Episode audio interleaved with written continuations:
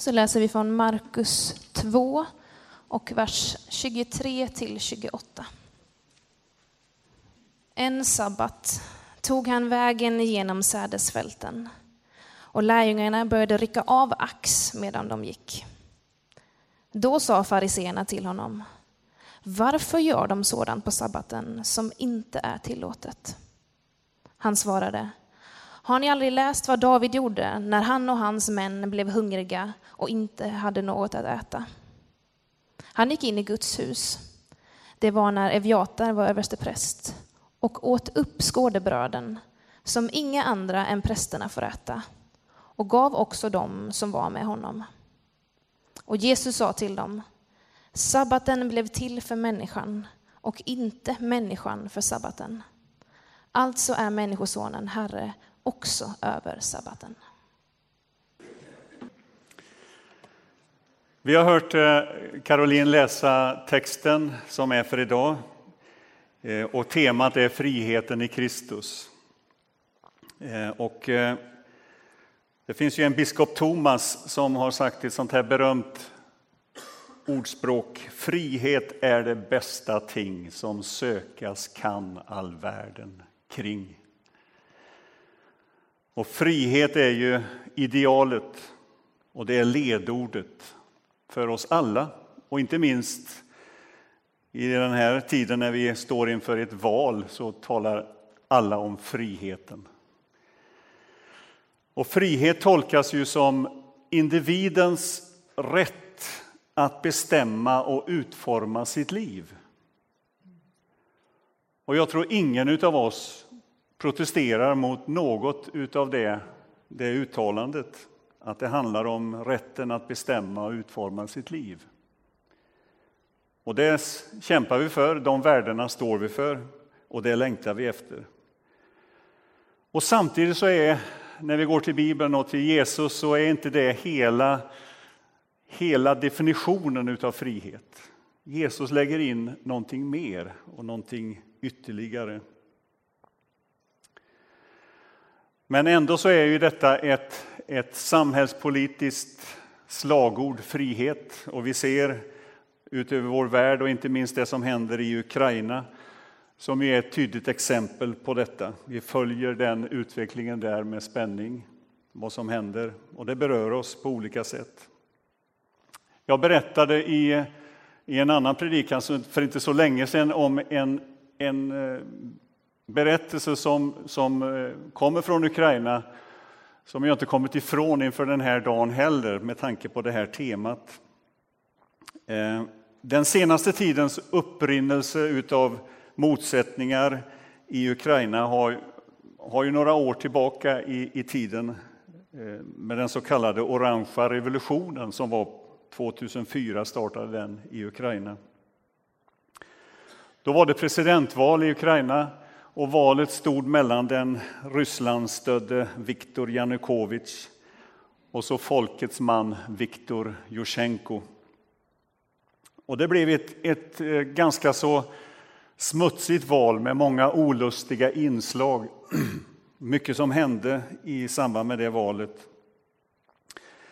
Och det officiella valresultatet blev att eh, Viktor Janukovych, den Rysslandsstödde, vann med cirka 900 000 röster, alltså 3 procent ungefär.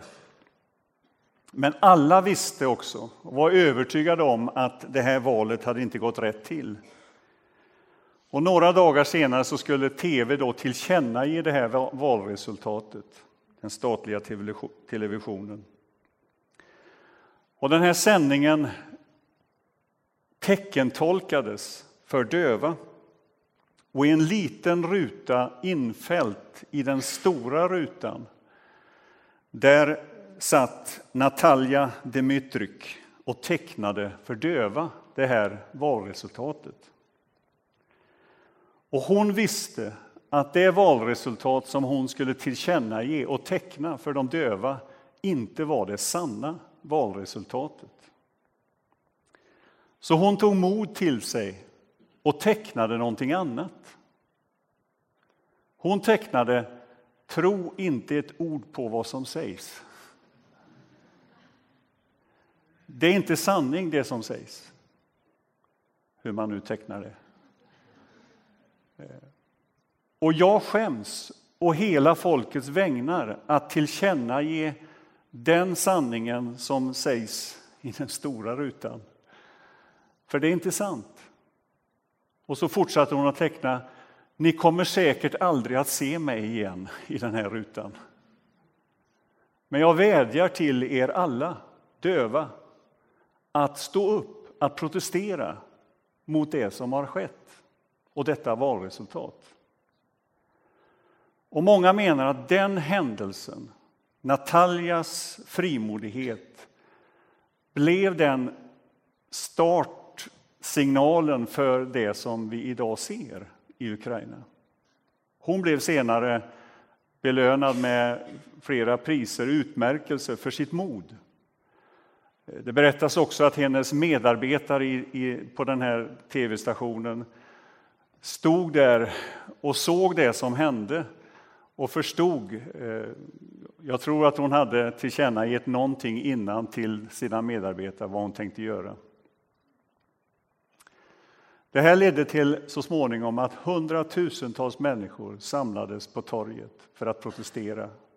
Och det ledde så småningom till ett nyval, bara några månader senare där Folkets man fick eh, 54 procent av rösterna och där den Rysslandsstödde fick 43 procent eller något sånt där av rösterna. Och sen vet vi hur utvecklingen har gått. Den här bilden har inte lämnat mig. Alltså den, det modet, den eh, frimodigheten att stå för någonting annat, att teckna någonting som var stick i stäv mot vad som var den gängse uppfattningen. Den var inspirerande och är inspirerande. Jag återkommer till den. Jesus var ju i ständig konflikt och konfrontation med fariseer och skriftlärde om vad som var sant. Och inte minst när det gällde människors frihet och tolkningen utav frihet. Och man kan säga att Jesus och fariseerna och skriftlärde företrädde två helt olika synsätt på hur man skulle tolka begreppet frihet. Fariséerna och de skriftlärde tänkte sig frihet som att man genom bud och lagar skulle nå fram till frihet. Alltså utifrån och in. Jesus såg hur människor led under det här kravet på perfektionism i all sin brustenhet, i alla sina misslyckanden och tillkortakommanden. Och Jesus var tydlig med att friheten kommer inifrån människan. Att det är när vårt hjärta förvandlas. Det är när vi föds på nytt som friheten uppnås. Så Jesus tecknade någonting annat än vad som var den stora uppfattningen. En jude hade 613 bud att hålla ordning på. Och då säger vi tack gode Gud att, att vi inte levde då. Och så sammanfattar vi kanske dem och säger ja men vi har ju tio bud som vi följer och så för att ännu mer rationalisera det så säger vi att vi har två bud, det dubbla kärleksbudet. Och då säger Jesus, då är vi tillbaka på de 613, för alla lagen sammanfattas i de buden. Så vi kommer inte ifrån det, utan frågan är hur ska det uppfyllas? Hur ska vi nå fram till det? För vi ska veta det att lagen var ju någonting gott som var givet till människan. Någonting som skulle vara till människans hjälp. Men människan brister i sin förmåga att kunna uppfylla lagen, kommer till korta. Och Jesus erbjuder en annan väg. Det måste ske något här inne i våra liv. Ett nytt hjärta, ett nytt liv att följa honom. Frihet för Jesus var inte att göra vad man vill, utan frihet det var att söka Guds rike, överlämna sitt liv åt honom, att låta sitt hjärta förvandlas. Det hjärta som inte klarar av att finna friheten på egen hand. Och Jesus är ju vårt tydliga exempel på vad frihet är. Vi säger att han, han var ju den friaste människan som någonsin har levat, Jesus. Men hör vad han säger. Min mat är att göra hans vilja som har sänt mig. Eller, jag följer inte min egen vilja utan hans vilja som har sänt mig. Där hittar han någonting som han beskriver som frihet. Och så lär oss Jesus i sin i bönen Fader vår, låt din vilja ske på jorden som i himlen och låt din vilja ske i mitt liv. Och många säger ju det kan ju inte vara ett, ett bevis eller ett tecken på frihet. Det är ju att vara i allra högsta grad bunden till någonting annat. Och Jesus hävdar, det är i den bundenheten eller i den kopplingen till Gud, i den överlämnandet av viljan till Gud, det är där vi finner vår frihet. Där har vi vår frihet.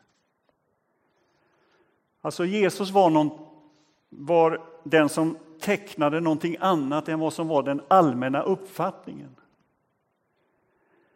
De döva såg vad Jesus ville. De längtande såg vad Jesus ville och drog sig till honom. De hungriga och törstiga såg det. De som kände mitt liv går inte ihop. Men de som visste, de såg det inte. De som var klara och färdiga, de såg inte detta. Och därför så var Jesus i någon slags konfrontation hela tiden. Man kan beskriva att Jesus hade en form av en provokativ uppgift. Genom att se människan och se till att hon inte led av fel saker. Han stack hål på illusioner. Han stack hål på föreställningar om odödlighet, om fullkomlighet, om perfektionism. Jesus provocerade den tiden genom att sticka hål på de uppfattningar som, som var den tidens gällande uppfattningar om hur man nådde frihet och hur man nådde lycka. Jesus sa sanningen om våra liv. Att vi är i behov av ett nytt hjärta. Ett hjärta som, ligger, som, som lägger sitt liv i någon annans hand. Och det tecknade han i den där lilla rutan, hela tiden. Och Jesus tecknar att frihet inte stavas oberoende. Utan Jesus säger frihet är att göra sig totalt beroende av Gud och beroende av andra människor. Och Jesus tecknar att frihet inte innebär att ensam är stark. Utan du klarar det inte på egen hand. Jag måste ha andra runt mig och jag måste ha Gud med mig genom livet. Och Jesus tecknar att det finns en kärlekens och Andens lag som är till för dig, vem du än är och som för dig in i friheten som ingenting annat är än Guds vilja med ditt liv och med din framtid och med ditt liv här på jorden. Natalia tecknade någonting annat. Och den har talat till mig, den bilden, om vårt uppdrag i den här världen. Igår var vi samlade på Donsö och samtalade om framtid, vad vi står inför. Vi talade om verksamheter som vi står i, planer och tankar inför den framtid. Och vårt stora uppdrag det är att vara Natalia, att teckna någonting annat än vad som är de gängse uppfattningen idag. Vi tecknar någonting annat och jag har känt det själv personligen när jag sitter till exempel med, med och möter Migrationsverket och ska tala för någon som söker uppehållstillstånd. Där jag tecknar någonting annat som går stick i stäv kanske med de lagar och förordningar som finns. Men där människans behov kommer före det. Och Jesus säger i den här texten precis detta. Att människan är inte gjord för sabbaten utan sabbaten är gjord för människan. Alltså han såg människan först. Människans behov, människans situation och människans längtan. Vår uppgift är att, att teckna i den där lilla rutan för vår tids ungdomar och tonåringar att du ska inte gå på det att vackrast är bäst. Och som sliter med sitt utseende och med sin, sitt behov av bekräftelse. Att vi tecknar någonting annat. Det finns andra värden som är viktigare. Vi tecknar i den lilla rutan att vi vill gå med dem som inte orkar gå. Att vi är en röst för dem som inte har en röst. Att vi ställer upp för dem som inte har förmågan att resa sig upp. Där ligger vårt uppdrag, där ligger vår, vår stora kallelse, vår utmaning. Vi tecknar att Jesus Kristus lever idag och att vi vill följa honom. Vi tecknar och inbjuder människor att beröras av Jesus. Att han som levde för 2000 år sedan, att det inte är en historia bara, utan att det finns en verklighet här och nu, idag.